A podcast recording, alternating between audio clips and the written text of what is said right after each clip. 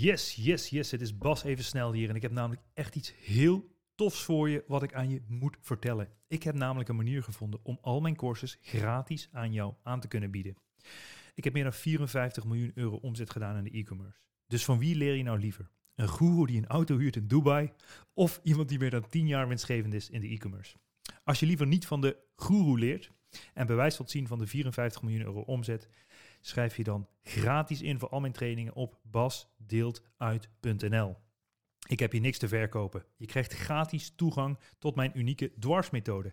Al mijn e-commerce courses, gratis 1 op 1 coaching en een gratis ticket voor het e-commerce kickstart event waar ik jou alles van A tot Z ga uitleggen hoe jij een succesvolle e-commerce business kan gaan opzetten.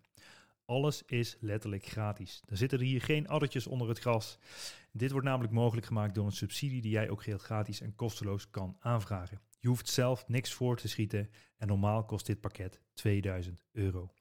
Schrijf je snel in op basdeeltuit.nl om gratis toegang te krijgen tot dit hele spektakel. Ik zeg veel plezier met het luisteren van deze podcast en tot snel. Ciao, ciao. Dames en heren, vandaag in de Ondernemen op Slippers podcast, Kees Schepers. Uh, Kees is opgegroeid in een boerenfamilie en reisde op zijn achttiende af naar Kenia voor zijn ICT-stage. Maar uh, uiteindelijk vond hij school niet boeiend genoeg en is hij gestopt om software te gaan ontwikkelen. Uh, hij droomde van drag racen op scooters en rolde zo het bestuur in van SBO. En daar begon een beetje zijn ondernemersavontuur. Uh, scooters moesten natuurlijk zo licht mogelijk zijn om zo hard mogelijk te kunnen racen. Zo kwam hij in aanmerking, in aanraking met carbonnen, epoxies, polyesters. En zo is hij begonnen met het dropshippen van uh, al dat spul. Zo ontstond polyestershop.nl en uh, dat heeft hij mega goed gelanceerd. Hij groeide van 0 naar 8 miljoen in een relatief korte tijd en gaat inmiddels internationaal. Welkom Kees. Ja, welkom.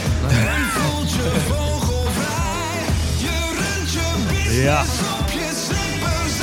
Ja. Mijn doel is dat heel Nederland deze jingle bezig. Gaat dat lukken denk je? Ik heb, volgens mij heb ik nog niemand betrapt op het meezingen. maar ik vind het leuk deuntje. Ja.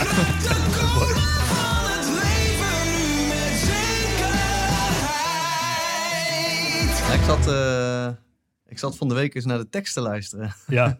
Oh, ja. dat is ook nog echt toepasselijk ook. Ja, ja, dat is mooi toch? Ja, ja zeker. Ja, is, is voor jou nog een beetje ondernemen op slippers? Of, uh...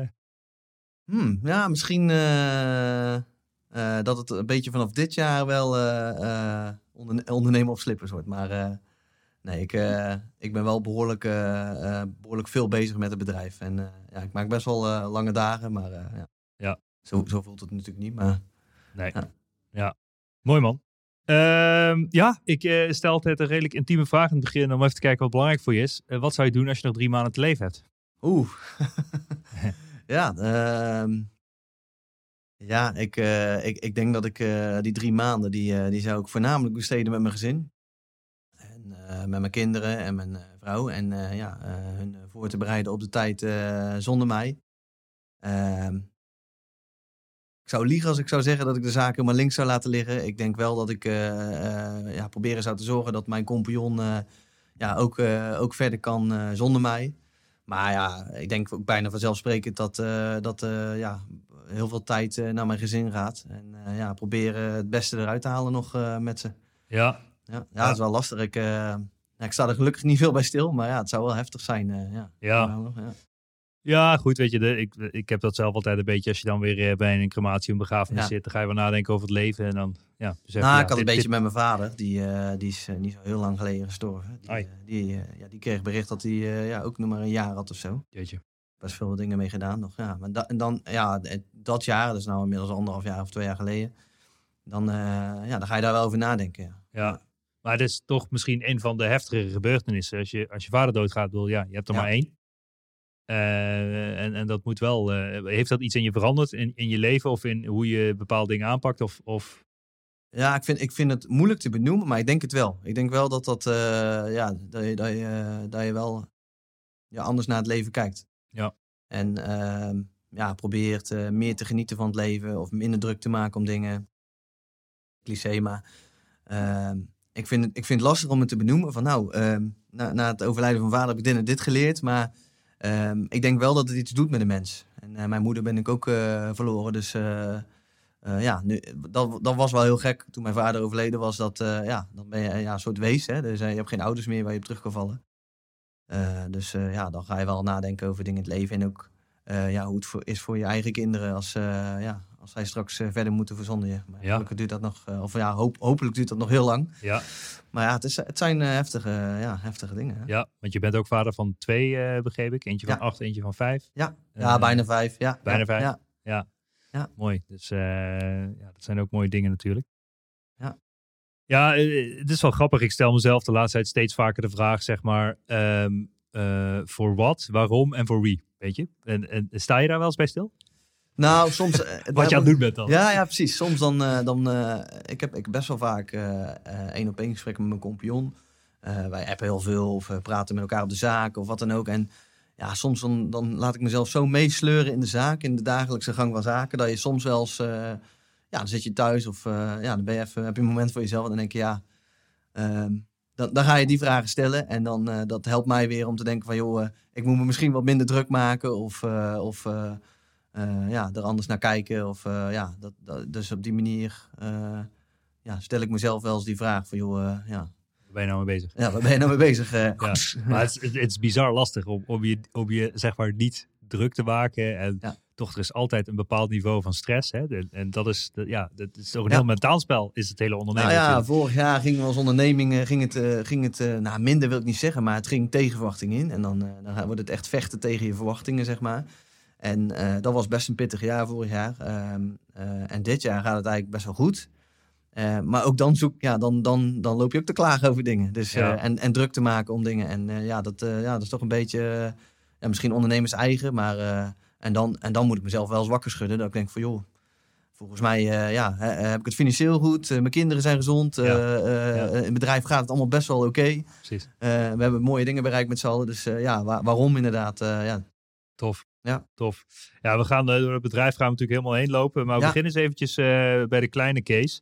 Want je, ja, je bent opgegroeid in een boerenfamilie. Uh, hoe, zag dat eruit? Was dat uh, kippen, varkens, koeien, schapen? Of, uh... Nou, bijna niks. nou, ik, ik, waar, waar, ik geboren ben, heb ik maar een paar jaar geleefd. Dat was, dat was de, de, de, boerderij van mijn oma. -hmm. En die heeft mijn vader overgenomen. of ja, overgenomen. Die, ja, die, die, ging dat, die ging daar verder. En alleen dat was al uitgekocht voordat mijn vader daar ehm, ging wonen door de gemeente. Mm -hmm. Dus die mocht er maar ja, een soort ja, ja, die mocht er maar een paar jaar zitten, totdat het gesloopt werd. En er staat nu een heel mooie tunnel op, oh. op die boerderij. En um, toen zijn we verhuisd ja, naar het volgende huis. En daar heb ik een jaar of, daar heb ik eigenlijk een groot deel van mijn jonge jeugd doorgemaakt. En daar had hij 30.000 kippen. Ja. Legbatterij nog, die inmiddels niet meer mogen. En, en, en groente en fruit verkocht hij. ja, oh, wow. ja. En, en, en, eh, welke lessen heb je meegenomen uit dat boerenleven? Uh, ja, on, onbewust heel veel lessen. Sowieso uh, is mijn vader uh, altijd een hele bron, grote bron van inspiratie geweest. Ook al um, ja, is, is hetgeen wat hij gedaan heeft toch anders dan wat ik deed of doe nu. Maar um, ja, ik denk de nuchterheid, dat heb ik echt, echt van mijn ouders. Um, en ja, misschien het onbezonnen zijn. Hè, dingen gewoon proberen, gewoon doen. Ja. Van mijn moeder ook wel, die was best wel gek. En uh, ja, die had zoiets van, joh, we doen het gewoon. Ja. Uh, ja, en, en hoe je met mensen omgaat. Ja, dat soort, ja, het is een beetje, uh, ja, kijk, praktische tips misschien wat minder. Omdat, ja, het boerenleven is toch net wat anders als het e-commerce gebeuren, zeg maar. Ja. Maar ja, dat soort lessen, hè, van die levenslessen dingen. En, ja. Ja. Maar op een boerderij is in de baas toch gewoon knetterhard werken? Of, of, of, niet? Het is gewoon vroeg op, laat naar bed en uh, er is altijd wat te doen op het land. Toen ik, toen ik mijn vrouw daar eerst over vertelde, die was er best wel verbaasd over. En ja, die, uh, die had er best wel bepaalde gedachten over. Maar uh, ik weet nog goed dat ik vroeger, ja, toen was ik een jaar of acht of zo, of negen. En, en ja, op het moment dat je oud genoeg was om, om mee te helpen in de zaak, dan moest je op zondag want die kippen die, die blijven elke dag eieren leggen. Ik bedoel, eh, ja, ja die, die, gaan, die slaan niet in een weekend over voor je. Ja, of als je ze geen eten begeeft, stoppen ze ja, ja, dan stoppen ze geen mee. Ja, klopt. Ja. Maar uh, ja, in het weekend uh, moesten gewoon eieren geraapt worden, zullen we zeggen. Zo noemden dat. dat ging wel met machines een beetje, maar... En dan, uh, moesten ik en mijn zus gewoon meehelpen. Ja, één iemand moest het huishouden boven doen en uh, de stofzuiger of weet ik veel wat. En uh, beneden moest iemand meehelpen eieren rapen. En ja, natuurlijk, dat ging niet, niet altijd van harte. Dat zal ik je niet ontkennen.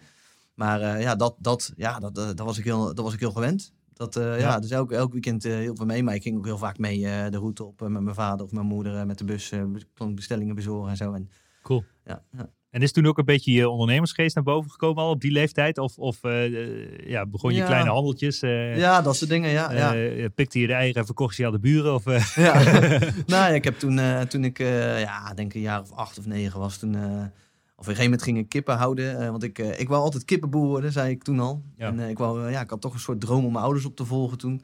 En, en toen had ik wat scharrelkippen buiten. ge- gejat uit de stal van mijn vader. En, en voer hoefde ik ook niet te kopen. Dus eh, eh, eh, die, ja, die, die, die kippen die legden eieren. En dat verkocht ik op het fietsje. Ging ik ja, het hele platteland af langs ooms en tantes om die eieren te verkopen. En zij wisten dan niet dat ze eieren kochten van zes weken oud. Maar eh, ja, ik had alweer twee gulden verdiend. en ik weet nog goed, dat- ja, dat was, toen was ik eh, acht jaar of zo. Toen had ik eh, een keer al echt eh, 250 gulden op een jaar binnen.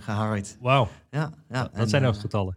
hm? Ja, ja, precies. Nou, dat, Ja, dat was voor die tijd Ja. echt, ja, Ja, ja, ja, ja, ja. Dat is wel tof hoor. ja. Ja. Dus ja, dat... eh, Cool man.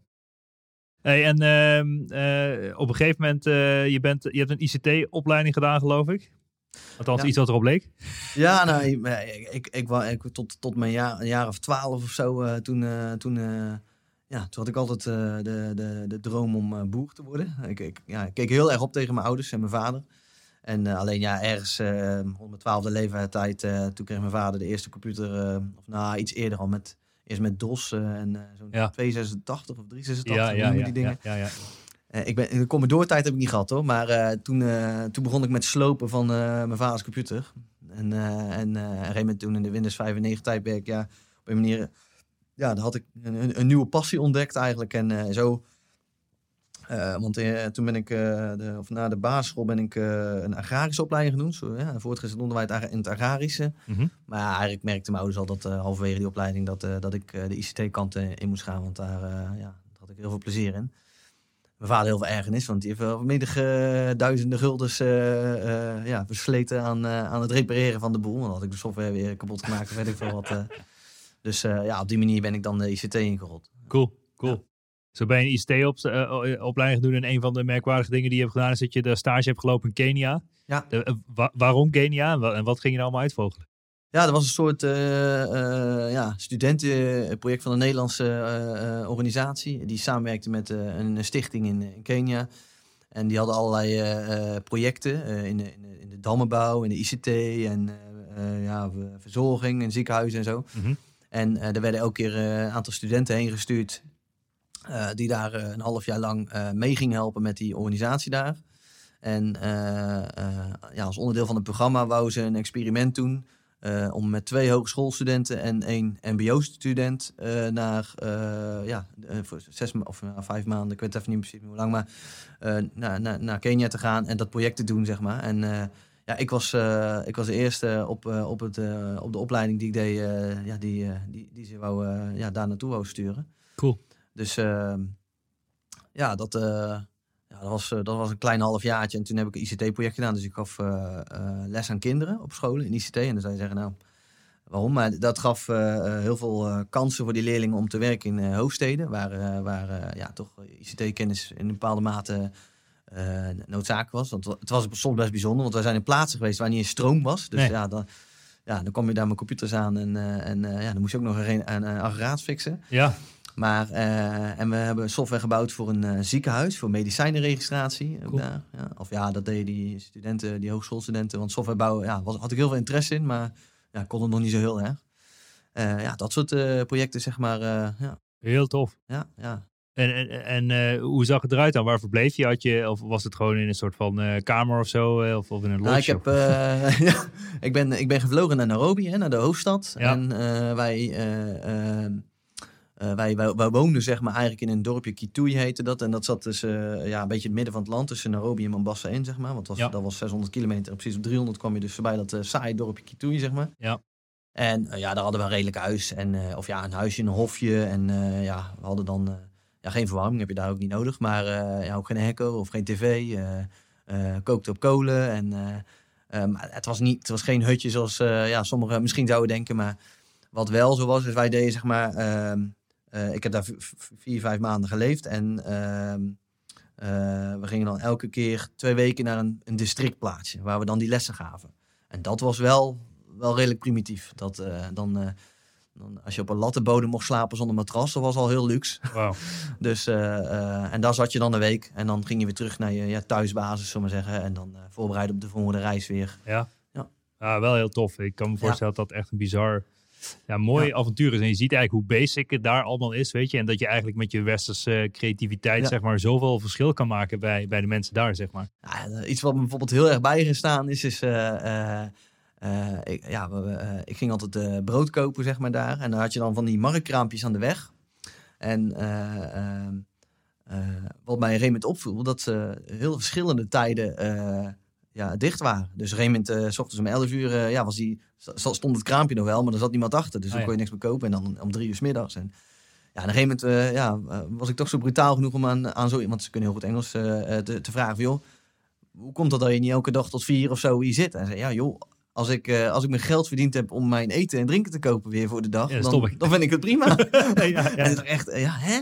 ja. Eh, ja, net als hier in Nederland, hè, dat 9 tot 5. En ja, dat, dat is daar totaal niet. En Nee. ja, dat, nou dat is maar een voorbeeld. Maar ja, dat soort dingen zie je dan. En dan, ja, dat, zeker toen, ik, ja, toen was ik 18 of 19 jaar. En ja, dat is dan heel bijzonder. Dat, Ja. Ja, dat is grappig. Ik heb op mijn 19 ook ontwikkelingswerk gedaan in Zimbabwe en Botswana, weet je. En, en, en wat me ook opviel is dat mannen eigenlijk freaking lui zijn daar. ja, Dus de vrouwen doen het werk. Hè. Die dragen de baby's, die doen koken, Ja. die doen het hele huishouden runnen. En de mannen die hangen maar een beetje de hele dag onder de, onder de boom, zeg maar. ja, Eh, klopt. Ja, dus- ja het, is, het is heel andere. Ja, en dat is ook wel. Moet ik dat zeggen? Ik ben eh, een paar jaar later eh, weer teruggegaan. Om dus te kijken, ja, gewoon als vakantie een beetje. En ik had, ik had ook wat vrienden ja, gekregen, zeg maar. En daar ging ik weer eens op bezoek. En, eh, ja, en, dan, en dan om te kijken hoe het daar nog gaat. En wat je dan ook wel ziet, eh, hoe, hoe wij als westerse beschaving zo'n land eh, proberen te helpen. Dat is natuurlijk heel goed hoor, wat we doen. Maar Mm. soms is het ook wel een beetje, moet je zeggen, water naar de zee dragen. Dus ja, we willen sommige dingen veranderen daar die daar gewoon niet in de cultuur zitten. Hè? Nee. Er zijn, doen ook ontzettend veel goede dingen, maar ja, ja, er zijn ook wel dingen die, die we daar doen. Dat ik denk, ja, ja. Ja. Waarom? ja, nou ja, ja, ik snap het wel, maar ja, ik, ik vraag me af of dat, eh, ja, of het gaat werken. Ja, ik denk dat je redelijk basic moet denken, weet je. Ik bedoel, wij hadden bijvoorbeeld allemaal zaden meegenomen en hebben dan geleerd hoe ze een tuin Ja. kunnen aanleggen. En dan komen tomaten en dan komen zaadjes uit, die kun je drogen en dan kun je ze weer planten. Ja. En dan heb je een, een, een never-ending eh, tomato cycle, zeg maar. Ja, ja, ja, ja, nou, dat, ja dat, dat soort projecten deden we ook inderdaad. Ja, ja. Ja, wel tof hoor. ja, zeker. tof. Ja, dat is geweldig. En eh grootste les uit Kenia? Of in ieder geval, wat, wat, wat is je echt, ja, wat je denkt van oké, dit heb ik echt geleerd in die, in die periode? Ja, Of beseft, of whatever. Ja, het is. eh, ik heb enorm veel lessen geleerd. Ik moet wel zeggen dat. eh, want mijn moeder die had best wel moeite mee dat ik daarin ging. Want die vond het best wel eng. Maar mijn vader die had die kans gehad. eh, Om naar Canada een half jaar stage te lopen toen hij jeugdig was. Maar toen, toen had hij dat niet gedaan. En, dus ik weet nog goed dat ik thuis kwam en zeg: joh, ik kan naar Kenia. En dan mijn moeder zei: wat? Nee. En mijn vader: ja, ja. Ja, ja, ja, ja. ja. En ja, ja, gewoon levenslessen. Hè? Dus ja, ik heb bedelaars gezien, maar ik heb ook hele mooie... Net als in, in het dorpje je- eh, daar, daar zorgde iedereen voor elkaar. Dus dat- je had daar geen pensioenstelsel. Nou, WW hoef je helemaal niet voor aan te kloppen daar. En, eh, maar het is wel zo, als, als mensen dan werkloos waren of, of hè, het moeilijk hadden, dan hielpen mensen elkaar. En ehm, ja, het draaide gewoon veel minder om, om die economische drang. En ehm, ja, dat, ja, misschien dat, dat soort dingen, weet je wel. Ja. Dat, eh, dat, je, ja, dat het niet alleen maar om geld gaat, en, en wel, maar wel om geluk. En Ja. eh, elkaar helpen. En eh, eh, als je iets doet voor een ander, krijg je dat misschien ook wel een keer terug. En ja, dat, dat soort, ja, dat soort Ja. levenslessen, zeg maar. Ja. Eigenlijk is dan minder egoïsme dan, als, als, het, als je het zo bekijkt. Dat ze meer in communities leven en voor elkaar zorgen, weet je. Ik bedoel, Maar het is wel heel erg per district, het is district afhankelijk. natuurlijk. bedoel, In de ben- steden is het waarschijnlijk anders. Ja, ik, ik kwam in Nairobi, dus zei ik kwam er daar alleen om, om, om geld te pinnen. En nou, naar het internetcafé te gaan, want in die tijd was in Kitui nog, ja, volgens mij het eerste internetcafé begon daar, eh, waren ze aan het oprichten. En eh, ja, het was gewoon een verschrikkelijke stad. Smerig, mensen die, die reden omver en eh, Ja. ja. dat was gewoon, ja, daar, had ik helemaal niks mee. Dus... eh, Ja. Nee, dat, dus ja, het verschilt wel per regio. Maar Kitui was echt ja, was een prachtig eh, omgeving, zeg maar. Hoe men, ja, in, in, in de mensheid, zeg maar. En eh beesten, heb je veel beesten gezien? Of niet? Ik ben eh, de laatste, ja, zeg maar de laatste drie weken of zo heb ik een soort van vakantie eh, genomen. eh, ja. Ik was wel blut, dus ik had het eigenlijk aan het begin moeten doen. Maar Ja, dan had je de, re- dan had je de rest van vijf maanden geen geld meer. ik heb mijn ouders nog gesmeekt om een paar honderd euro. Maar ik heb toen een safari gedaan in de Maasai, zeg maar. Hè, de, de, tegen de grens van Tanzania. Ja. Dat was prachtig. En, Ja. en ik heb toen nog een weekje Mombasa. Gepakt, zeg maar. Dat is een, ja, gewoon een strandvakantie. Ja. En ja, een van de, wat misschien wel leuk is, een van de merkwaardigste dingen die ik gedaan heb. Misschien ben ik een, een van de enige Nederlanders, of een, in ieder geval een van de eerste die ja, zo gek was om met de fiets van Nairobi naar Kitui te fietsen. Oh, vet. Ja, nou, Oh, niet. Gevaarlijk. ja, eigenlijk wel. ja. Met die beesten. Ja, maar ik bel, ik, ik, nou nee, die beesten niet, maar Oh. rovers en eh, ja. Oh, ja. en er wa- de, ik weet nog, ik had mijn mobieltje wel bij, maar er waren dus, soms stopte ik en dan denk ik, "Huh, geen bereik hier. Ja, stel Ja. je voor dat je dan, kijk, dan waren er van die smalle weggetjes, weggetjes zeg maar, waar eh, ja, als twee bussen eh, tegen elkaar, eh, of langs elkaar reden, moest één echt wel in de berm, zeg maar. Ja. En dan zat ik dan op mijn fiets de berg op. Ja. Maar eh, Maar en hoe kwam je aan die fiets dan? Die had je gewoon geleend of zo? nou, ik vertelde dus mijn ouders over dat idee, maar die hadden, geen, die hadden geen flauw idee. Die dachten, oh, die gaat van eh Roosendaal naar Breda fietsen of zo. ja. Maar er was Hoe ver is die afstand dan? Ja, ik weet het niet precies. Maar ik weet dat tussen Nairobi en Mombasa, dat was iets van 600, 700 kilometer. Dan was je echt bij een paar uur onderweg met de bus. En En was dan heb je echt gefietst? Nee, nee, nee, nee. nee, Oh, nee, nee. van. Dit was ongeveer de helft. Oh ja. Ja, dus... eh, maar ik, ik heb gewoon een... eh, ja, eh, je had daar een hele... hoe heet het? Nakumat. Dat is de grootste super... Een soort Carrefour in Ja. Frankrijk, zeg maar. Ja, ja. En die had, ik had daar een keer in, toen ik in Nairobi was, een mountainbike gezien in zo'n supermarkt voor een AliExpress prijs, zeg maar. ja, ja. En ja, dat leek me gewoon. Ik had, ja, ik, ik, ik was nogal van de onbezonnen dingen. Dus, eh, en eh, de studenten waar ik mee was, die zeiden, die, die hebben oh, ja, ongeveer een maand geprobeerd om me in te praten, om het niet te doen. Maar eh, toen was ik naar Nairobi gegaan om geld te pinnen. En toen had ik gewoon die fiets gekocht en eh, ik was terug gaan fietsen. Wauw. En eh, ja, dat was echt bijzonder. Dus met Ja. vijf liter water om mijn rug. En, en, ja, en uiteindelijk doodziek in Kitui aangekomen. Echt Nee. heel ziek. Ik was Oh. helemaal uitgedroogd en dat was echt een ramp. Maar aan de andere kant wel, ja, wel een bijzondere ervaring. Ja, ik, ik kan me nog herinneren. Ik zat in Botswana in een lodge en eh, toen dacht ik, ja, ik ga even een rondje hardlopen, weet je. Ja. maar ja, dus ik ben ook echt, ik, keek een beetje op de kaart. Oh, dit driehoekje kan ik wel hardlopen, weet je. Maar ja, dus ik ging redden. En op een gegeven moment, eh, weet je, steeds minder huisjes, steeds minder eh, dingen. en op een gegeven moment was ik echt in the middle of nowhere aan het redden. Ja. En uiteindelijk kon ik gewoon niet meer, weet je. Het was gewoon 38 graden of zo. En eh, ik kon gewoon niet meer. En eh, toen ben ik uiteindelijk, ja, was ik aan het lopen. En, en eh, was ik een beetje aan het proberen van, ja, kan ik met iemand meeliften? en, en toen uiteindelijk kwam er zo, stopte zo'n pick-up ding, zeg maar. Kon ik Ja. achterin springen. En toen zei ik, ja, hier is mijn lodge, daar moet ik heen. Maar die gasten zeiden, "Di- gast, wel, als, je, als wij niet hadden opgepikt, hadden we waarschijnlijk alleen nog maar je schoenen teruggevonden. Want daar lopen dus gewoon super gevaarlijke beesten rond, die je dus gewoon helemaal opvreten. Ja, ja dat, nou, een beetje hetzelfde mijn route. Daar, had je heel veel bendes, zeg maar, die daar... eh, en ja, als je daar als blanke eigenlijk overheen fietst, je bent... Ja, het is eigenlijk gewoon een zelfmoordmissie bijna. Ja, En ik weet dat ik wel eens stopte onderweg om wat extra water te halen. Want die 5 liter was natuurlijk al 100 kilometer op. ja, Eh, dan, eh, dan keken ze wel raar aan als ik bij... Want dat is, dat is zo'n marktkraampje aan de, aan de weg. En dan, precies. dan zagen ze mij met die fiets aankomen. En dan, dan vroegen ze al van, joh, wat, wat doe jij? Ja, echt. En, eh, en, eh, en toen heb ik ook wel verteld onderweg. En eh, hebben, ze, hebben ze me ook voor gek verklaard. En, ja. Ja. Maar het is wel een tof verhaal, een mooi avontuur. Ja, ja, ja, ik, ik heb er geen spijt van. Nee, nee, nee. Het, nou, het, had, het had wel anders af kunnen lopen, denk ik. maar ja, goed, ja, daar moet je niet bij stilstaan, denk ik. Ja, ja, tof. Hey, toen kwam je terug in Nederland. ja, studie, daar, daar, ja, dat vond je eigenlijk op een gegeven moment niet boeiend genoeg meer. Toen ben je maar software gaan ontwikkelen. Ja, nou ja, tijdens mijn studie was ik al best... Zeg, eigenlijk in Kenia begon het een beetje dat ik eh, heel veel interesse kreeg in software development. En eh, eh, ja, toen, toen ik terugkwam, toen zei de school... Nou ja, hier heb je in ieder geval je niveau 2 diploma. Want we vinden het overdreven om je nog even ja, dat halfjaartje op school te houden. Mhm. En, en om, maar ik wou zeg maar een, een studie gaan doen in softwareontwikkeling. Maar om die studie te kunnen doen, moest ik eerst wat andere niveaus halen. En dat ging over hele andere dingen. Dus ja, daar, daar, daar ging het een beetje kapot, zeg maar. Dus ik had extreem eh, focus en interesse op eh, software development. Eh, maar ik moest heel andere dingen leren voor school. Oh ja, En eh, ja, toen strandde het een beetje eigenlijk. eh, ja. Ja. toen heb je maar eieren voor je geld gekozen. Ja, nou, ja, ik, ik kon, eh, maar ja, ik, ik, ben, ik ben geen voorbeeldstudent. Dat, eh, ik, eh, ik, kon de eh, ik was ook geen, eh, ik moet zeggen, geen, eh, geen onruststoker of zo. Of, eh, maar ja, ik kon de motivatie gewoon niet opbrengen. Ik, eh, ik was gewoon met eh, ja, heel andere dingen bezig. eh. dus eh, ja, een gegeven moment eh, zei mijn ouders van, joh, dan stop je maar. Eh, Ja. Ook wel een beetje ontevreden, zullen we zeggen. Want ja, die hadden toch gehoopt dat ik mijn opleiding had afgemaakt. Ja, En eh, ik had inmiddels toen ook al een, een baan. Dus ik deed werken leren in niveau 3. En, Ja. alleen ja, ik werkte als softwareontwikkelaar, maar ik moest dingen leren over hardware en dat soort dingen. Dus Ja, ja, toen, ja, toen ging ik verder met werken eigenlijk. ja. En daarna voor een paar verschillende bedrijven gewerkt. Ja, toen, eh, ik heb trouwens hier in de heel dicht in de buurt nog gewerkt. Oké. Maar eh, ehm, eh, ja, inderdaad, verschillende bedrijven. En ik had op een gegeven moment, ehm, werkte ik eigenlijk voor een oud compagnon, maar toen gewoon in loondienst. Dan ben ik weer teruggegaan. En, en zo, Ja. flink, uh, flink gejobhopte in de jaren daarna. Zeg Ja, maar. ja, ja. ja. Ja. Hey, en dat drag racen, dat was een soort van droom van je. Waar komt dat vandaan? Nou ja, toen ik, ik ben nog goed toen ik eh, 16 was, eh, toen ik begon met een, misschien een Honda MT5. Ja, Honda Dream 2 ken ik.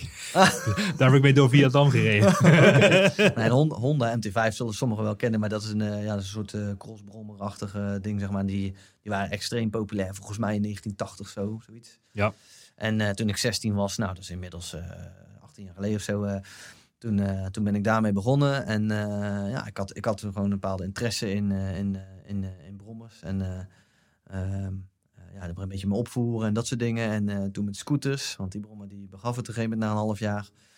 En eh daar was de, de energie niet om, eh, om dat ding te repareren. Dus toen kocht ik met mijn vader maar een scooter. Want ik, omdat ik die nodig had om naar de school te rijden. Ja. En daar was ik ook continu mee aan het knutselen. En toen, toen waren er al scooter sprint. Ja, wedstrijden wil ik niet zeggen, maar van die meetings, weet je wel. Dat een hoop jongeren bij elkaar komen en een beetje gaan racen tegen elkaar. En dat was natuurlijk allemaal zo illegaal als wat. En eh, eh, ja, het had je wel een paar legale dingen, maar dat, eh, dat, dat volgde ik toen nog niet zo. Maar daar deed ik al een beetje, of ja, mee wil ik niet zeggen, maar daar was ik een beetje bij aanwezig. En, dingen. en ja, zo is dat een beetje interesse voor dat racen gekomen. Maar ja, ik was 19 of 18, ik verdiende geen rode rotcent. Dus, en mijn ouders, nou, die eh, er geen, geen haar in hun hoofd denken mij daar geld voor te geven. Want die vonden dat opvoeren natuurlijk helemaal niks. Dus, dus toen, ja, dat, toen ging dat allemaal voorbij. En, en een paar jaar later, toen ik dus wel het geld had, zullen we maar zeggen, toen, eh, toen ben ik begonnen. Of toen, en toen was het inmiddels ook legaal. Toen kwam er een stichting en die ging wedstrijden organiseren en dat soort dingen. En toen eh, ben ik daaraan mee gaan doen. Ja. Cool. Ja, ik kan me nog herinneren eh, toen ik zelf jong was. Weet je, ik, ik heb zelf nooit veel scooters en brommers, dat soort dingen gehad. Maar wel bij de hockey had iemand een scooter. En eh, ja, dat was vroeger super hip, zeg maar, om dan op te voeren en ergens een verborgen knopje te Ja, doen. En als je ja, dat ding ja, indrukt, dan gaat hij denken 80. Ja. en, en als de fiets op druk je hem snel in en dan, en dan de rollenbank eh, de- geeft hij gewoon netjes eh, genoeg vermogen. En is dat ook wat jij deed? Of? Nou, ik was het type dat eh, ik was eh, toen ik 17 was of zo. eh, ik had een scooter die heel veel lawaai maakte, maar eigenlijk voor een meter vooruit kwam. en ik had hele grote praatjes, maar eh, Precies. nee, ik, eh, toen dat wedstrijdrijden kwam was toen ik 24 was of zo. En, eh, Ja. die scooter waar ik wel veel wedstrijden mee gereden heb, die heb ik nog steeds. Oh, cool. Ja. En die doet het ook nog steeds. Ehm, nou, ik heb hem eh, twee jaar geleden gestart bij ons bedrijventerrein. En, eh, en ongeveer na vijf seconden kwam er eh, al iemand naar buiten en die zei, joh, doe even normaal. Want het maakt best wel herrie. Dus, dus toen heb ik hem uitgezet en eh, ehm, ja, toen, Ja. nou staat hij ergens in de stelling op vak eh 12 of zo hoog. Ja, ja, ja. en ja. Maar dat, dat racen met die scooters, hoe, hoe snel gaat dat dan? Ehm, nou, het idee was, je had verschillende klasses, maar ik zat in een klasse waarbij het zoveel mogelijk op een scooter moet eh, lijken, zeg maar. En dan mocht je tot 70 cc en een normale scooter is 50 cc. Oh ja. En eh, ja, je had al wat eh, beperkingen. Een beetje Formule 1-achtig eigenlijk Ja, wel, hè. Dus, ja. en eh, ehm, eh, eh, ja, dat, even kijken, ik ging met ja, tussen de 110 en 125 over de finish. Dus je stopte, of je startte vanaf stilstand. Ja, dus eh, gewoon stilstaand en dan, plop, als die groen ging, dan ging je. En, eh, en dan 150 meter lang.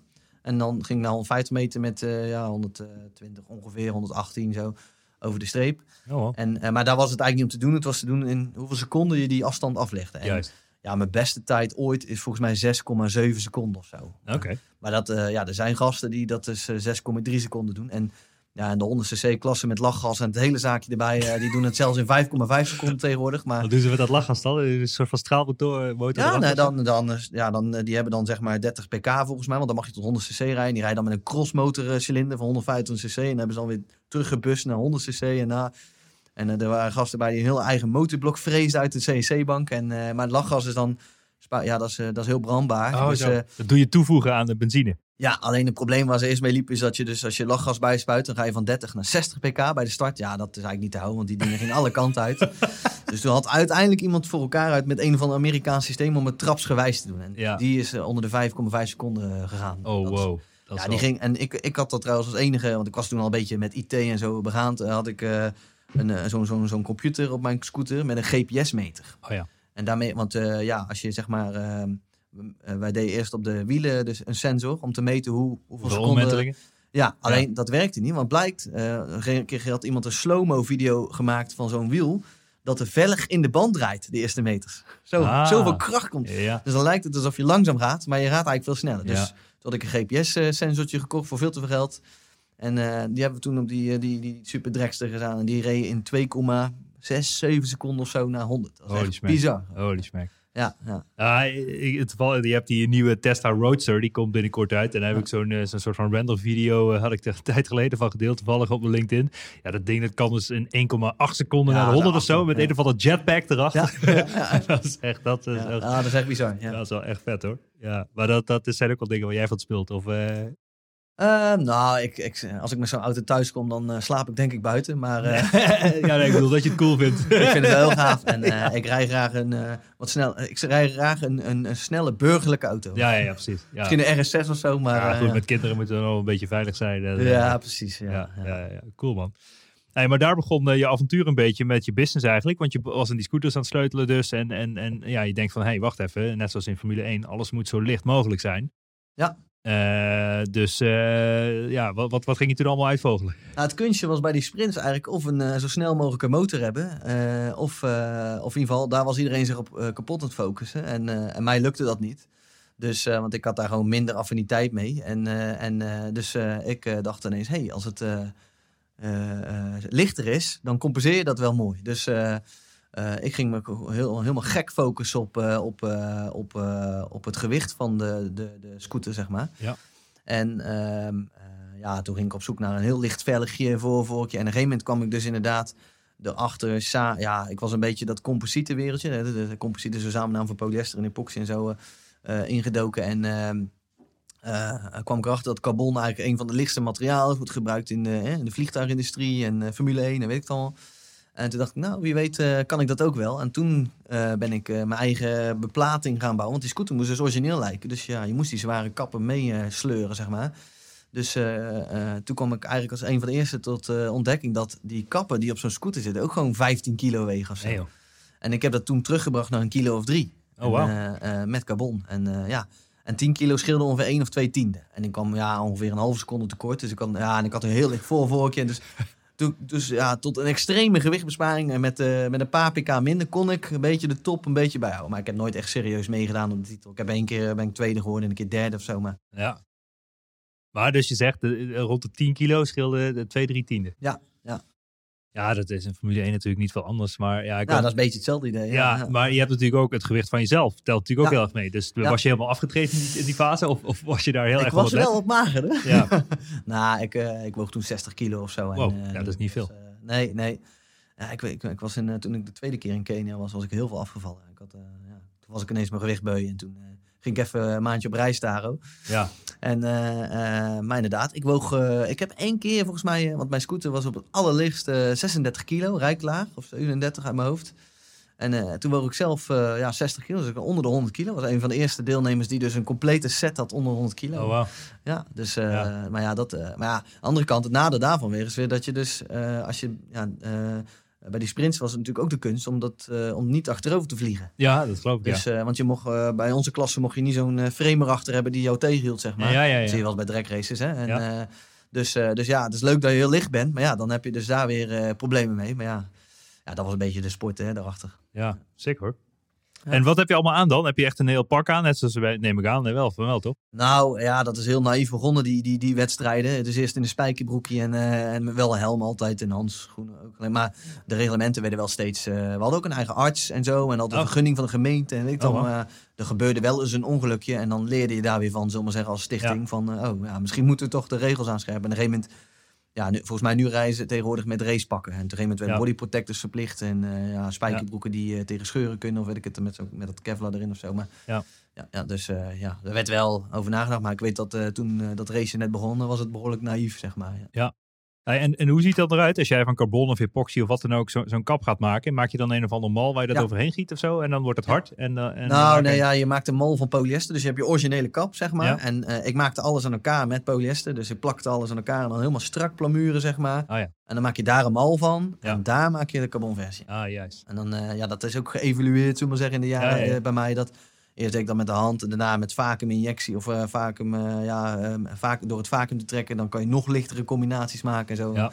En zo ben ik dat helemaal inge, ja, ingerold, zeg maar, in dat uh, composieten gebeuren. Ja, cool. En, toen, en, en, en hoe zag het toen eruit? Want hoe ben je toen eigenlijk de transitie gaan maken naar, naar het dropshippen van dat spul? Nou, ik was dus eigenlijk ja, toen al jaren softwareontwikkelaar. En ik had op een of andere manier best wel veel ja, interesse en affiniteit met e-commerce. Ik werkte toen al een beetje, of ik bouwde toen webshops voor, voor een oud werkgever mij. En uh, ik had gewoon een soort droom al, misschien een jaar of twee jaar, van nou, ik wil eigenlijk zelf een webshop beginnen en vooral om mee te experimenteren. Hoe werkt het e-commerce, het marketing, Google Analytics, weet ik het allemaal.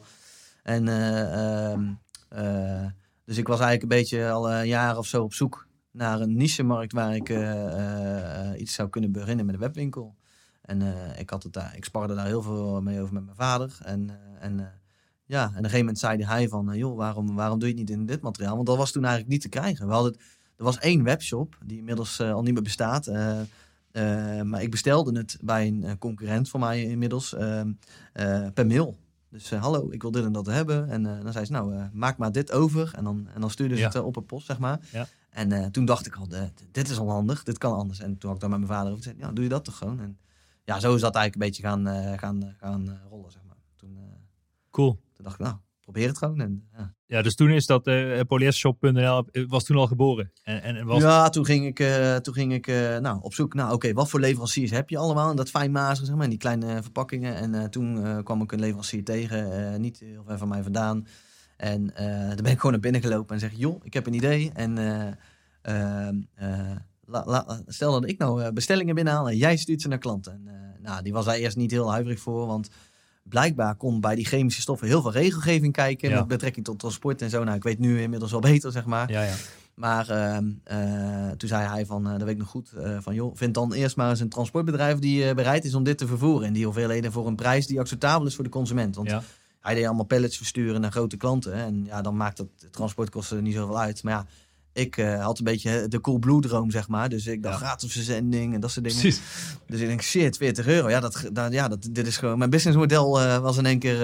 Uh, dus toen ben ik gewoon voor hem eigenlijk gaan bellen in heel Nederland. Alle transportbedrijven. En toen had ik uiteindelijk iemand gevonden. Toen kwam ik weer terug bij hem. Ik zei, nou, ik heb... En toen was hij heel verbaasd van, huh?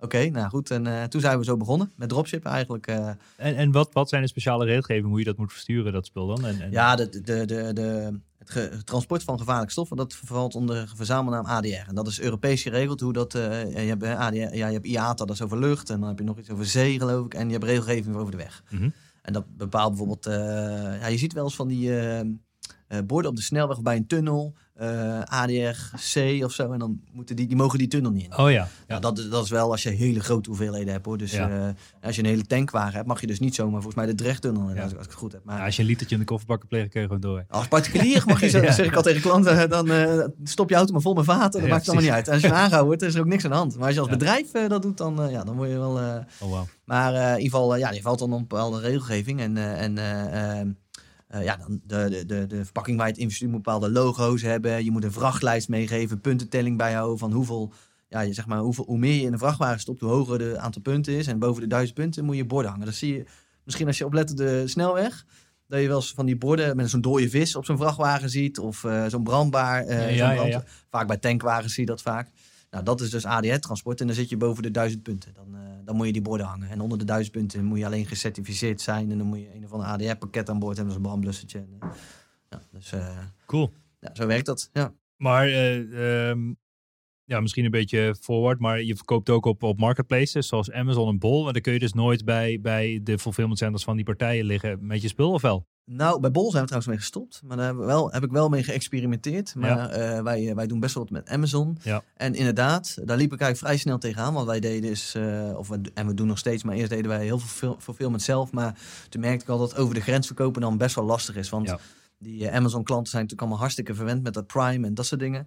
Dus toen dacht ik, ik was nou best wel naïef. Ik dacht, oh, ik, ik, ik gooi mijn hele voorraad met epoxies en polyester, mijn, stoffen daar gewoon en dan gaan zij dat lekker Prime versturen. Maar toen maakte ik mijn eerste Prime artikel of eh, FBA artikel aan. En toen kreeg ik al meteen een melding. Oh, dit artikel is under review, Hasmat review. Ja. En, en toen kreeg ik een afwijzing natuurlijk. En toen ben ik gaan onderzoeken van hoe dat zit. Maar toen bleek dat, dat ze een of ander pilot program hebben. Want Amazon heeft in Europa en Amerika nog meer, maar een aantal speciale magazijnen geschikt voor gevaarlijke stoffen. En ja, ze experimenteren met verkopers die dus gevaarlijke stoffen prime willen verkopen. En dacht ik, nou, dat wil ik ook. Dus ja, je kon je aanmelden via een of andere link voor hazmat storage, zeg maar. Dus om chemische stoffen op te slaan. Dus ik gedaan. En toen kreeg ik vrij snel afwijzing. En, of een, ja, een soort standaard mailtje van... Nou, leuk dat je hebt aangemeld, maar wij nodigen de mensen zelf uit. Dus je hoort het wel als, het, als wij vinden dat je interessant bent. En toen had ik ook op forums gelezen dat in Amerika is het nog een groter probleem. Want daar zitten al die, ja, die, die magazijnen allemaal vol. Dus daar nemen ze geen klanten meer aan. Dus daar gaan seller-accounts met hazmat approval... gaan daar gewoon voor geld... ja, daar is er gewoon handel in, zeg maar. Oh, in de account? Ja, in de account. Ja, gewoon een lege account. Als iemand al approved is, ja, dan kun je en die stopt met zijn business of zo. Die verkoopt gewoon zijn account, zeg maar. en, dus, maar uh, ik ging wel gelukkig wel steeds meer handel doen via Amazon. En blijkbaar bij een bepaald volume kreeg ik een soort uh, accountmanager, een, een Indiër, ja. kreeg ik ineens. En die belde me op en, en die kon gelukkig mij uitnodigen voor het programma. En sindsdien ja, zijn we toegelaten om gevaarlijke stoffen op te slaan bij Amazon. Nice. In, onder zeer strikte voorwaarden, want sommige dingen weer niet en hoeveelheden en weet ik het allemaal. Ja, ja, maar ja, dat heeft wel een flinke boost gegeven, zeg maar. Dat, nice. Ja. Nice. Nice.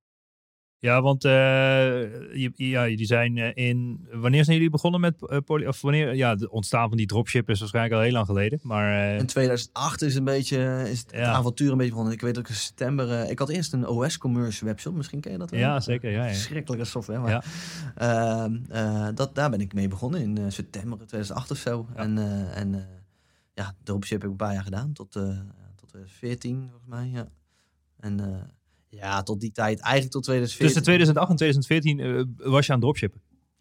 Ja. Zes jaar ja. lang? Ja, oh, ja, ja, weet je, die zes jaar, er is heel veel tussen daar geboren. Want ik heb het bedrijf ook nog weer verkocht in, in die tijd. En oh. toen weer teruggekocht. Oh, dat is wel een leuk avontuur. Maar ja. Uh, uh, ja, die, die zes jaar was echt experimenteren, ermee spelen, ontdekken hoe e-commerce werkt. Juist. En ja, natuurlijk, want ik, heb, ik had nooit het besef dat het zo groot zou kunnen worden. Ik dacht, ik weet nog, ik weet nog dat ik geroepen heb tegen een leverancier, die dus dropshipte voor mij. Daar, daar kwam ik dan één keer in het half jaar op bezoek. Ja. En die zei, nou uh, Kees, wat is jouw droom? Hoeveel omzet zou je nou ooit willen doen met, uh, met polyester? En toen zei ik, nou, ik denk als ik ooit een half miljoen euro uh, omzet per jaar doe, dan... Ja, dan ben ik dan, mannetje. Zo, dan, ja, dan heb ik mijn doel bereikt en dan doe ik nog wel andere dingen erbij. En, ja. en toen zei, weet ik nog dat hij zei, van nou, ik denk dat jij zelfs een miljoen kan doen.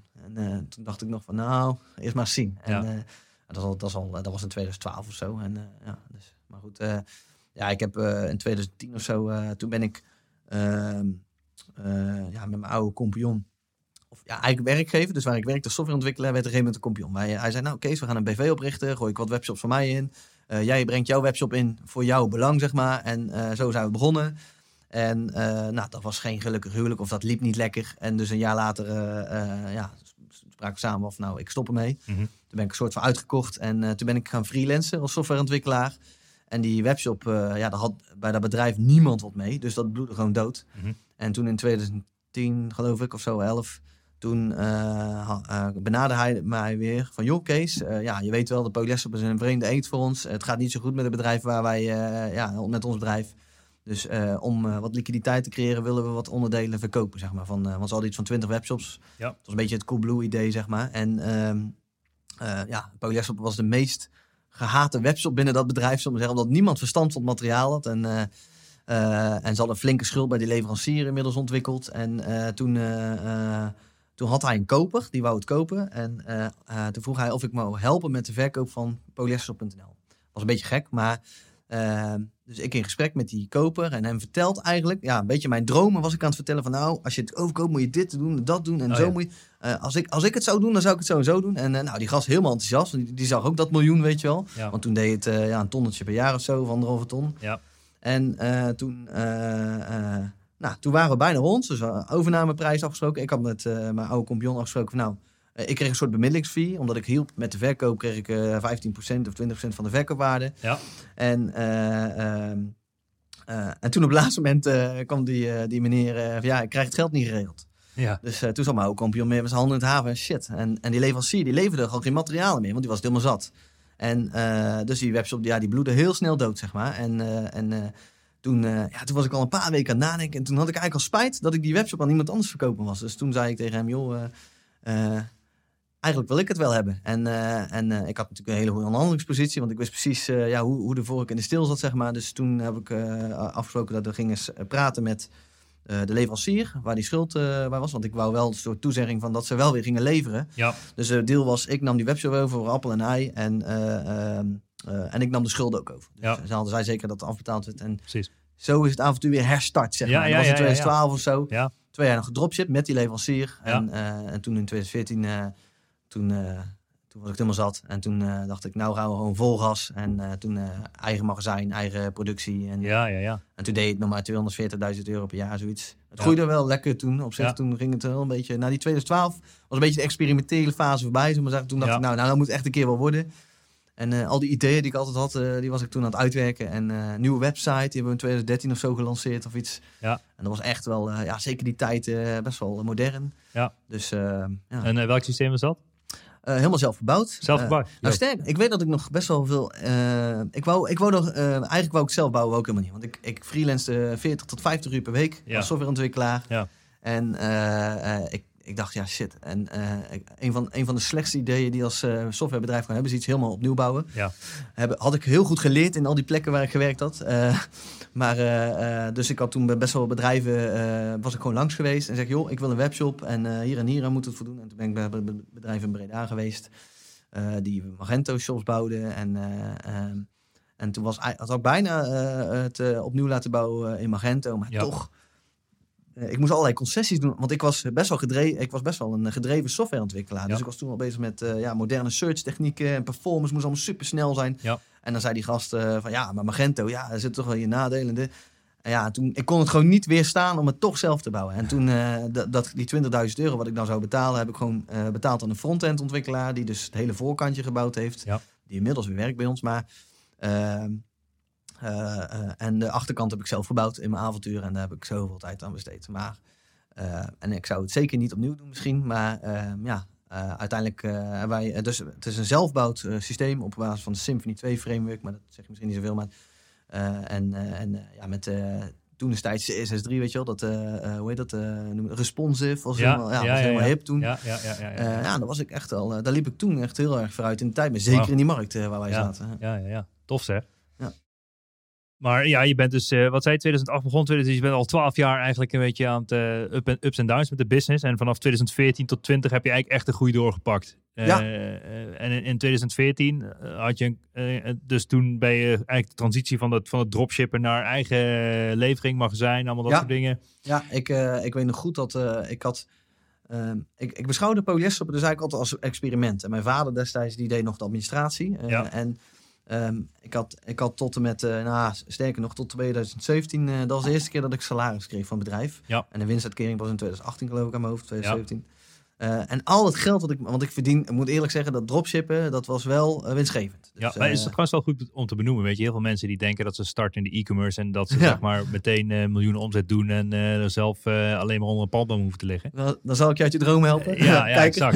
Jij en ik weten allebei wat er nodig is om, om Ja, überhaupt er die zijn- business op dat niveau te krijgen. Wanneer je Ja. jezelf dus gaat uitbetalen. En jij zegt 2017 ging je salaris betalen. Ja. Was je er bijna tien jaar mee bezig. Negen moest, jaar was je ermee bezig. Ik ging twee, ja, kijk, ik verdien natuurlijk goed met de freelance. Hè, dus eh, snap ik. anders had ik misschien wel iets eerder. Maar, goed. eh, eh, ja, mijn accountants zijn Raymond, joh, bij de Belastingdienst krijgen we het niet meer voor elkaar om jou eh, vrij te pleiten voor de, dat bestuurlijke... Ja, je moet 44.000 Ah, ja. euro verdienen. Of zo. Ja. Ja, en eh, dus eh, ja, we moeten echt, eh, we gaan wel argumenteren aan de Belastingdienst dat jij maar één dag in de week werkt. Voor de, dus Juist. toen kreeg ik 700 euro bruto of zo. En, Ja. eh, maar in ieder geval, ik had eh, in die jaren dat ik succesvol dropshipte, dat was eh, zeg maar van 2000, toen ik het eh, overkocht tot en met eh, de, de, de eigen voorraad, eh, de herstart, zullen we maar zeggen. Mhm. Eh, toen maakte ik wel winst. En eh dat weet ik nog goed, toen ik ging eh, leveren uit eigen voorraad, met eigen productie. dat was redelijk spot on van... ik weet dat ik mijn toenmalige compagnon erover sprak. En ik zeg, joh, we doen het gewoon. En ik had 20.000 euro, volgens mij 25.000 euro had ik op spaarrekening. Dan deed mijn vader elke keer netjes op spaarrekening zetten van het bedrijf. Want toen kreeg je nog rente op je spaargeld. Oh ja, ja. En, eh, en heb ik in een week doorheen gejaagd. Ja, ja, Aan voorraad, inventaris. eh, en, eh, want er moest een printer komen van 1500 euro. En, ja, en weet ik het allemaal. En, maar ik had zoiets van, ja, dat geld dat beschouwde ik niet als van mij, zeg maar. Dus, dus ik, het was gewoon experimenteel geld. Ik dacht, of het wordt nooit wat. Of we gaan gewoon vol gas. Dus in één keer goed. En ja, zo is dat begonnen, zeg maar. Die, Ja. die, die herstart, zullen we zeggen. Ja, ja, ja, tof zeg. En, en met hoeveel man zat je toen in die beginfase en, en hoe ziet dat nu eruit? Nou, in die beginfase, toen eh, eh, 2014, eh, met één iemand. Ja. en eh, later is daar Herman, eh, mijn compagnon, bijgekomen. Ehm, Die heeft zich ingekocht. Ja, ja die, die, die, had ik, die had een optie, zeg maar. Ja. Eh, want die wou zich wat later inkopen. En eh, die heeft in 2016 is hij officieel, eh, volgens mij 2016, is hij officieel eh, aandeelhouder geworden. Ja. En eh, dus eh, ik had één iemand. En, eh, en mijn vrouw, die was werkloos geworden. ergens in die jaren. dat was ook wel best wel moeilijk werk te krijgen als financieel, in de financiële administratie. Ja, En, en toen is zij de financiën gaan overnemen van mijn vader. En, en nog steeds. Dus, oh, wow. Maar daar is, eh, ja, volgens mij officieel was Wendy, mijn vrouw, zelfs eerste werknemer, denk ik. Ja. En dus, maar ja, volgens mij vanaf 2016, toen waren we met z'n vier of vijf. En eigenlijk tot en met 2017, tot en met 2017, toen werkte ik eigenlijk nog, steeds part-time voor Polyester. Dus eh, één dag in de week ging ik daar naartoe. Ja. Had ik wat meetings of zo. Ja. Of, eh, ja, of weet ik veel, ging ik een landvanten daar. precies. En, eh, en ik weet wel dat eh, Arne, een van mijn eerste collega's, eh, die, eh, die sprak ik best wel vaak. Die zei met, joh Kees, er loopt hier al tien man rond. Eh, misschien, eh, misschien is het wel gezellig als je hier gewoon wat vaker bent. En Ja. toen, eh, toen in 2018 was ik al zoveel met de zaak bezig. Toen heb ik tegen mijn opdrachtgever destijds gezegd, waar ik freelancete, van joh, ik stop ermee. Ik ga volledig in de zaak. Ja. En hoeveel man zit er nu dan? Ja, nu, FTE is iets van 25. En, Oh, wow. er zijn dagen dat er, vooral in de, in de coronapiek, zeg maar zeggen, toen, toen Ja. we echt ontzettend veel orders hadden, toen liepen er wel eens de- 30 man rond, of 35. eh. Ja. En als je terugkijkt, wat vond je zelf de leukste fase? Ik vind dit jaar wel een redelijk leuk jaar, eh, leuk jaar ondanks alle corona-toestanden, zeg maar. Want eh, ja, privé vind ik het dan wel minder in dat opzicht, maar ehm, ja, de, de, de, de, ja, het jaar zelf, toen, toen niet. Maar als je achteraf terugkijkt, bijvoorbeeld 2016, dat was volgens mij zijn we toen 140 of 150 gegroeid. Ja, Ja, dat jaar eh, vond ik het waarschijnlijk niet leuk. ja, Maar achteraf, ja, dat was gewoon, eh, ja, toen hebben we zulke stappen gemaakt. En er zijn er zoveel bijzondere dingen gebeurd. En zoveel uitdagingen gehad die we overwonnen. We hebben zo, eh, dat, dat jaar nog vol op verlies, geloof ik. Dus ja, dat was gewoon een, ja, in dat opzicht een heel bijzonder jaar, zeg Ja. maar. Ja. Ja, over dat verlies gesproken, weet je. Kijk, als je kijkt naar, eh whatever, top 100 eh, e-commerce van Nederland. Hè, en zelfs eh, Coolblue, volgens mij maakt iets van 3% winst of zo. Ja, dat... ja. Bol maakt niet eens winst. Nee. Maar dus, en, en, en hoe zit het op dat polyesterspul dan? Eh, is dat, die, die winst is pas echt heel laat gekomen. Toen jullie echt substantiële omzetten deden. Is het ook een paar procent? Of heb je het over tientallen procenten wat er Nee, het nee. staat? Nee, voor het grote geld had ik beter kunnen blijven freelancen. Ja. Maar eh, eh, eh, ik, ik weet dat ik in 2014 begon. Toen had ik nog een beetje winst, omdat ik nog eigenlijk bijna het hele jaar een dropshipper was. En 2015, eh, eh, bam, 8000 euro verlies meteen. Of 10.000 euro. Nou, dat was voor die omzet van 2 ton dat jaar of zo. Of drie, Ja. of ik weet het niet meer precies. Maar was dat behoorlijk heftig. En ja, ook wel eens hè, dat ik begon te twijfelen. Want ik heb volgens mij ook een keer geld bijgestort. En eh, toen 2016 hadden we al meteen, of 2016, ja, nee, ik zei net verlies, maar volgens mij 2016 hadden we het eerste jaar winst, 800 euro. Ja, ja precies. Ja, daar ging de vlag voor omhoog. Ja, ja nee, dat was heel bijzonder. Ja, eh. Was het, eh, ja, 2016. Want het eerste jaar was 2015, hadden we heel veel verlies. En 2016 hadden we dus winst. Achter. En 2017 was eigenlijk procentueel het meest winstgevende jaar ooit. En dat was volgens mij net boven de eh, 10%. Oh, wow. Maar ik moet zeggen, de laatste jaren is het eh, ja, ergens eh, rond de 5%. hè. Ja. Ehm, kijk, ehm eh, ene kant eh, kan je heel veel terrein winnen doordat wij qua volume veel groter zijn geworden. Ik bedoel, Ja. ja toen kocht ik eh 2.000, 3.000 kilo epoxy per, eh, ehm, Ja. per jaar in. En nou eh, meer dan 100 eh, ton hars alleen. Dus ik denk Ja. 200 ton eh, combinatie, zeg maar. Wauw. Ehm, maar ik heb misschien ook wel een beetje vergist in allerlei overhead en dingen die erbij komen. Ja, voorraad en eh, eh, rentelasten, eh, Oh, verzekeringen. eh, Ja. Eh, pas geleden een of andere testapparatuur gekocht. eh, Zo'n kastje, 7000 euro om eh, kleur te meten van, van, van onze epoxies, zeg maar. En ja, je moet je ook bedenken, hè, je wordt steeds professioneler als bedrijf, omdat je groeit. En er wordt ook meer verwacht van je. Als, Ja. En ook, hè, je zou zeggen dat bijvoorbeeld de Milieudienst beoordeelt iedere ja, polyesterverkoper hetzelfde. Maar dat, in de praktijk vind ik dat niet zo. Nee. dus de grote jongens krijgen het echt wel zwaarder voor hun kiezen. Tuurlijk. Toen ik, eh, want wij hadden eh, bezoek van de Milieudienst in 2017 al, geloof ik. Ja. die kwam af en toe controleren en de, de Warenwet en de Arbo en uh, Ja. een heel zaakje. Maar eh, toen kon ik beter onderhandelen met hun van, nou, we zijn Ja, ja. hard aan het groeien. Eh, ja, ik weet dat het niet helemaal oké is, want dat zijn onze, wij hadden zo'n consultant die daar onderhandelde voor ons. Geef ze even een jaar en dan hebben ze dat geregeld. En dan zeiden ze wel goed, maar nu, dat is nu, eh, ja, joh, je hebt twee maanden de tijd en anders dan sluiten we de boel gewoon. En eh, dat soort druk en ja, dat, dat komt er allemaal bij kijken als je groter wordt. Ja. Eh, Het is niet meer zo dat je met een fles champagne en een taart naar huis kan sturen. Nee, nee, nee. ja, ik kon het 2060 proberen. Maar, Ja, eh, precies. nee, nu, nu vinden ze me ineens onkopig. Ja, Ja, je hebt natuurlijk best veel regelgeving. ja, ja. ja. Hey, en uh, als die tent zo groeit, hè, op een gegeven moment uh, word je iets minder ondernemer, word je meer manager of, uh, of, of niet?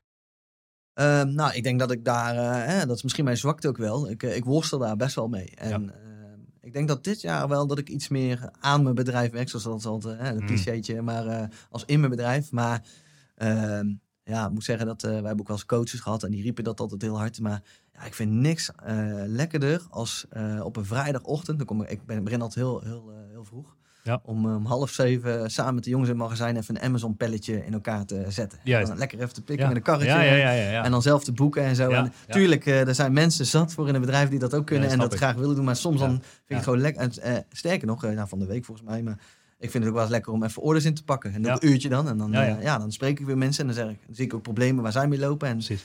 Ja, dus ehm, ja, en ik moet zeggen dat ik de, ehm, dat is misschien het grootste nadeel van dat ik fulltime ben gaan werken voor Polestar. Toen ik het parttime deed, uh, en, en ehm, toen werkte ik veel in de trein, zeg maar, en uh, onderweg en uh, s'avonds en weet ik dan wel.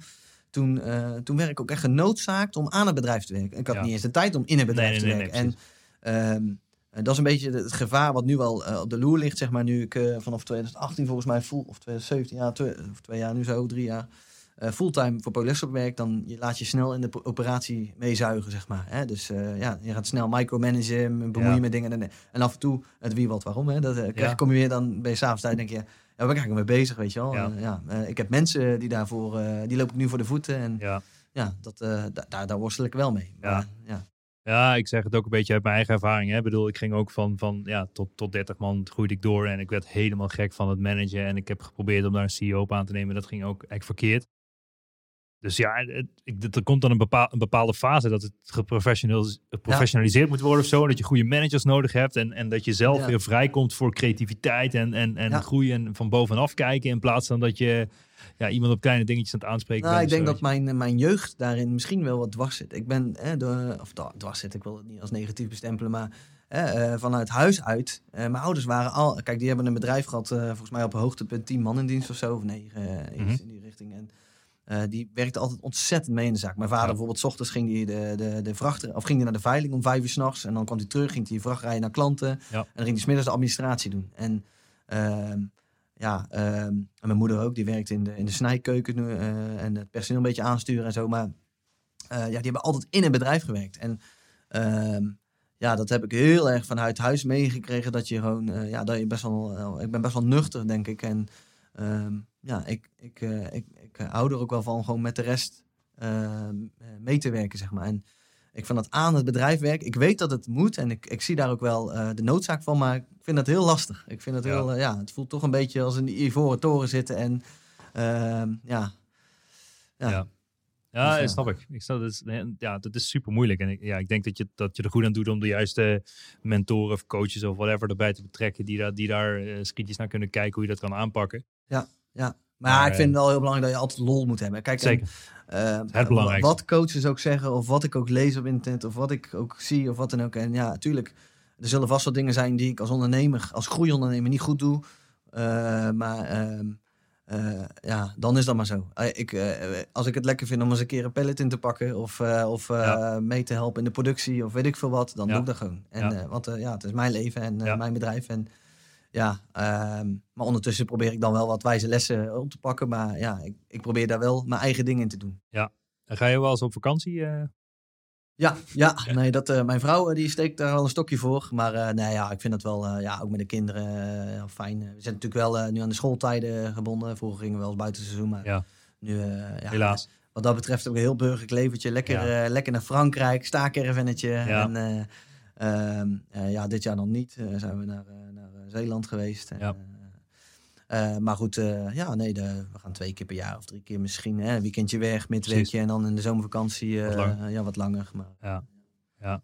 ja, lekker. Maar ja, dat is wel belangrijk hoor. Ja, ik wel, moet wel, wat ik wel de laatste twee, drie jaar lukt het me steeds beter om af te sluiten op de zaak. Ik weet wel, dat, ik heb wel eens af en toe gedoe of ruzie gehad met, met mijn vrouw van dan was ik op de zaak aan bellen, of, of de zaak of vakantie aan bellen om een, uh, een uh, order te doen van 10 ton hars of zo. En dan, ja, ja daar heb je toch mensen voor. Ja, ja, ben je daar mee bezig? Hang die telefoon op. En dan, ja. ze pakte hem net niet in mijn hand. Maar ja. en op een gegeven moment dacht ik, ja, ze heeft ook gelijk ook. Ik, ben, ik was met mijn gedachten, ja, het is niet alleen dat belletje.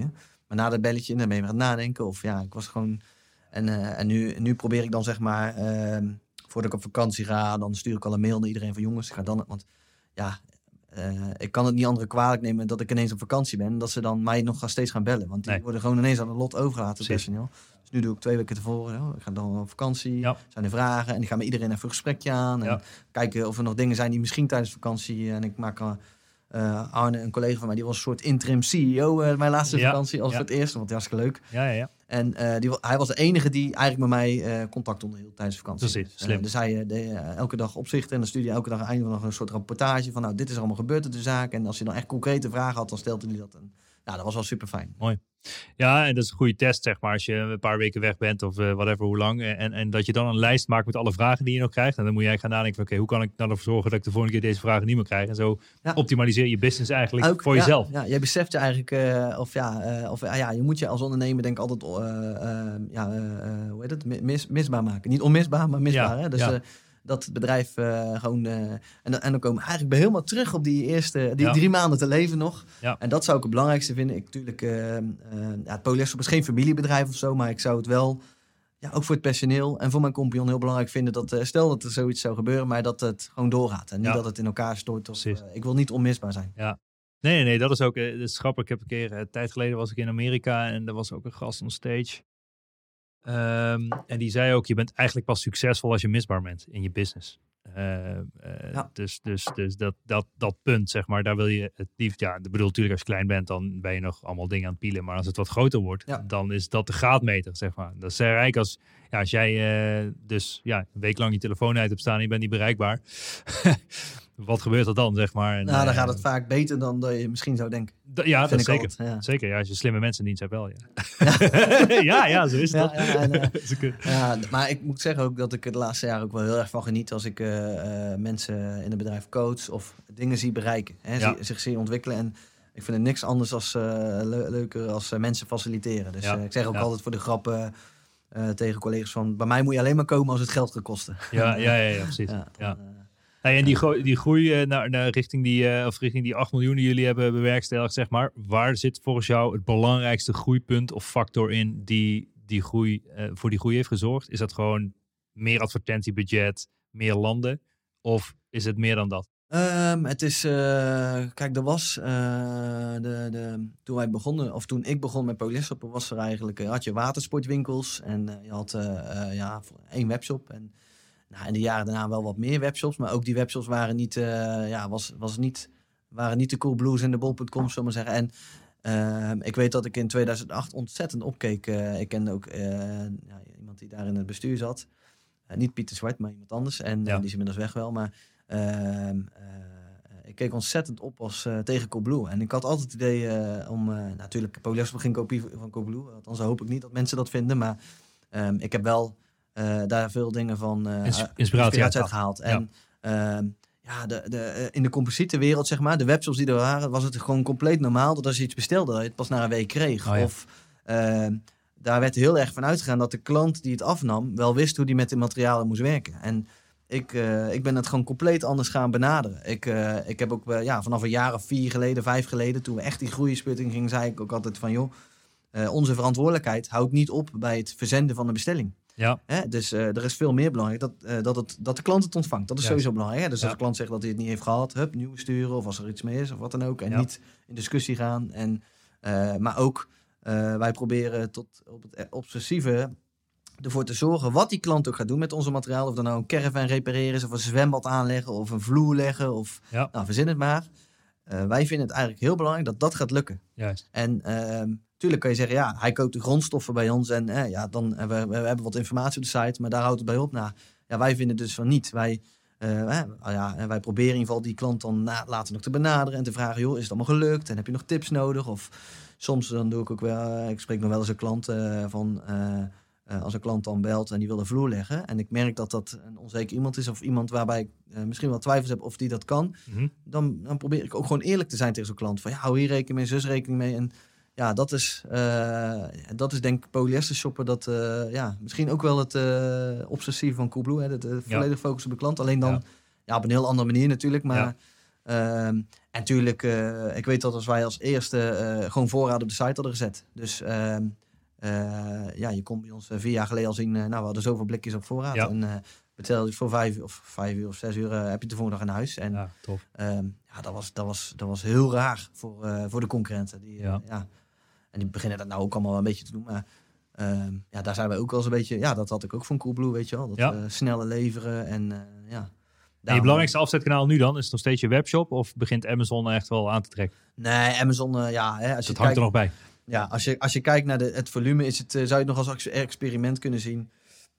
Ehm, en, we, en, en we zijn ook een beetje eh, zoekende geweest. Het we doen Amazon ook niet zo heel lang, hoor, volgens mij anderhalf jaar. Mhm. Toen begon het. eh, eh, een, eh, een, een marketing stagiair bij ons, die had gewoon wat, eigenlijk zonder mijn toestemming iets op Amazon gegooid. En Oh toen kocht ineens eh, Ja, drie van die blikjes per, per week of zo. En dacht, hé, hey, dat is wel interessant. Is en eh, toen heb ik hem gewoon een beetje zijn gang laten gaan. En zo is dat. eh, en toen op een gegeven moment heb, eh, ja, heb ik dat wel een beetje, ja, toen ik wegging, eh, overgenomen. En toen dacht ik, nou, toen heb ik een soort project van gemaakt. Dus er wel mensen bij betrokken. Nou, we gaan Amazon, gaan we experimenteren. En als het nou zo en zo groeit, dan gaan we ermee door. En, eh, dus toen, toen zijn we, ja, en eerst deden wij heel veel distributie via Amazon van merken, van andere. Ja. van, eh, alleen ja, ik heb jouw boek geloof ik nog niet gelezen, maar wel van iemand anders. En ja, de eerste les die je leert is eh, eh, dat je... Dat je Eigen merk. ja, eigen merk. Dan moet je, nou ja, nou, en bij ons eigenlijk is dat onze kracht gewoon. Want Ja. eh, wij hebben Region, dat is ons merk, zeg maar.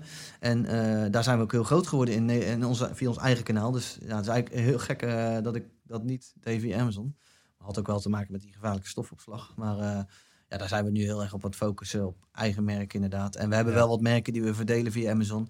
Maar ja, eh ja er hoeft maar een, eh een eh, collega te zijn Ja. die denkt, nou, ik kan het voor een dupje goedkoper. eh, ja, dan, begint de ja, race. Ja, Ja, ja, ja, ja. ja, de race to the bottom, zeg maar. En Ja. dus qua volume, even denken, is het nog ja, 5% van onze maandelijkse omzet. Denk ik. Ja. Zeg maar dus eh 5%, 5 van onze omzet, of misschien ja, 5 tot 10% is, gaat via Amazon. Ja. Maar het groeit wel, volgens mij dit jaar zegt Am- Amazon, als je die opent, dan zie je hoeveel procent je groeit. Vorig jaar, dat is Ja, ja, ja. gemiddeld rond de 140%, dus het Ja, gaat ja, wel lekker hard. Ja. Ja, lekker man. Ja.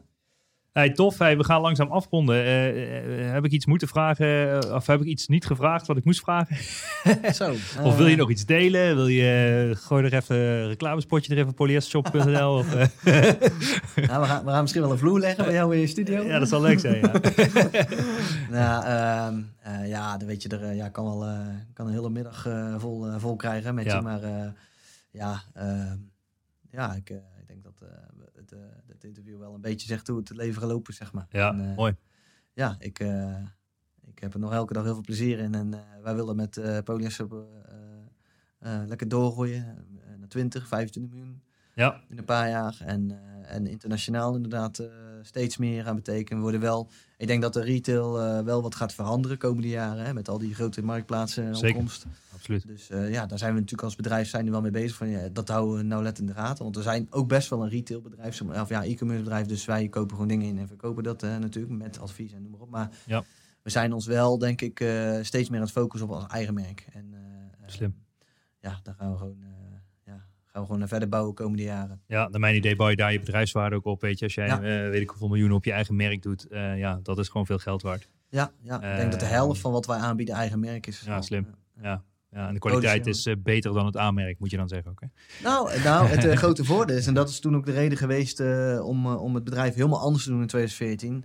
Eh, hè, om eigen productie, of ja, eigen productie te doen. Wij doen zelf afvullen, zeg maar. En nu produceren we wel wat dingen, maar ehm, je hebt regie over de kwaliteit. Dat Juist. is heel belangrijk. Dus Ja. ehm, we, dat kon ik me toen nog niet voorstellen, maar we hebben nu allerlei meetapparatuur en we meten vergeling van epoxy en we meten de kleur en eh, we hebben zelfs een laborant en eh, Cool. ehm, eh, ja, dat, ik bedoel, als jij dropshippen blijft, of, dan heb je daar geen invloed op. Het enige wat je kan doen is afscheid nemen van een merk en een ander merk gaan importeren of verdelen. Maar Ja. ja, dat, tot zover je controle of misschien een beetje invloed waar je uit kan oefenen. Maar ja, dat is het voordeel van eigen merk. Dat, eh, ja. Cool. Tof man. Ja. Nou Kees, dankjewel man voor je delen van je verhaal. Ik vond het uh, superleuk. Uh, en uh, ja, wellicht uh, tot later. Ja, wie weet. yes, thanks Dankjewel. man. Bedankt voor het luisteren naar de Ondernemen op Slippers podcast. Check voor meer informatie ondernemenopslippers.nl. Tot de volgende keer. Yes. Nou, dat was uh, Kees Schepers. Uh, van een stage in Kenia tot een uh, succesvolle business in polyester. check polyestershoppen.nl als je meer over, nou ja, ik weet niet of er ook meer over je staat. Heb je nog, nou, zoek gewoon Kees Schepers. Kun je hem volgen, kun je vragen stellen via LinkedIn of wat dan ook. ja, check it out. En ik zou zeggen weer tot de volgende podcast. Dit was toch een onwijs gave episode. Laten we eerlijk zijn. Ik vind het onwijs tof. Mocht je nou waarde vinden in deze episodes, check dan ook eventjes mijn LinkedIn, Bas Eurlings. En geef mij gewoon even een persoonlijk berichtje wat je van deze podcast vindt. Nogmaals, ik kan alles gratis aan jou geven. Wil je leren in e-commerce? Gratis in op één coaching. Gratis e-commerce kickstart event. Ga naar basdeeltuit.nl hoe jij subsidie kan aanvragen door gratis, om gratis toegang te krijgen tot alles wat ik gemaakt heb. Check it out en tot snel. Ciao, ciao.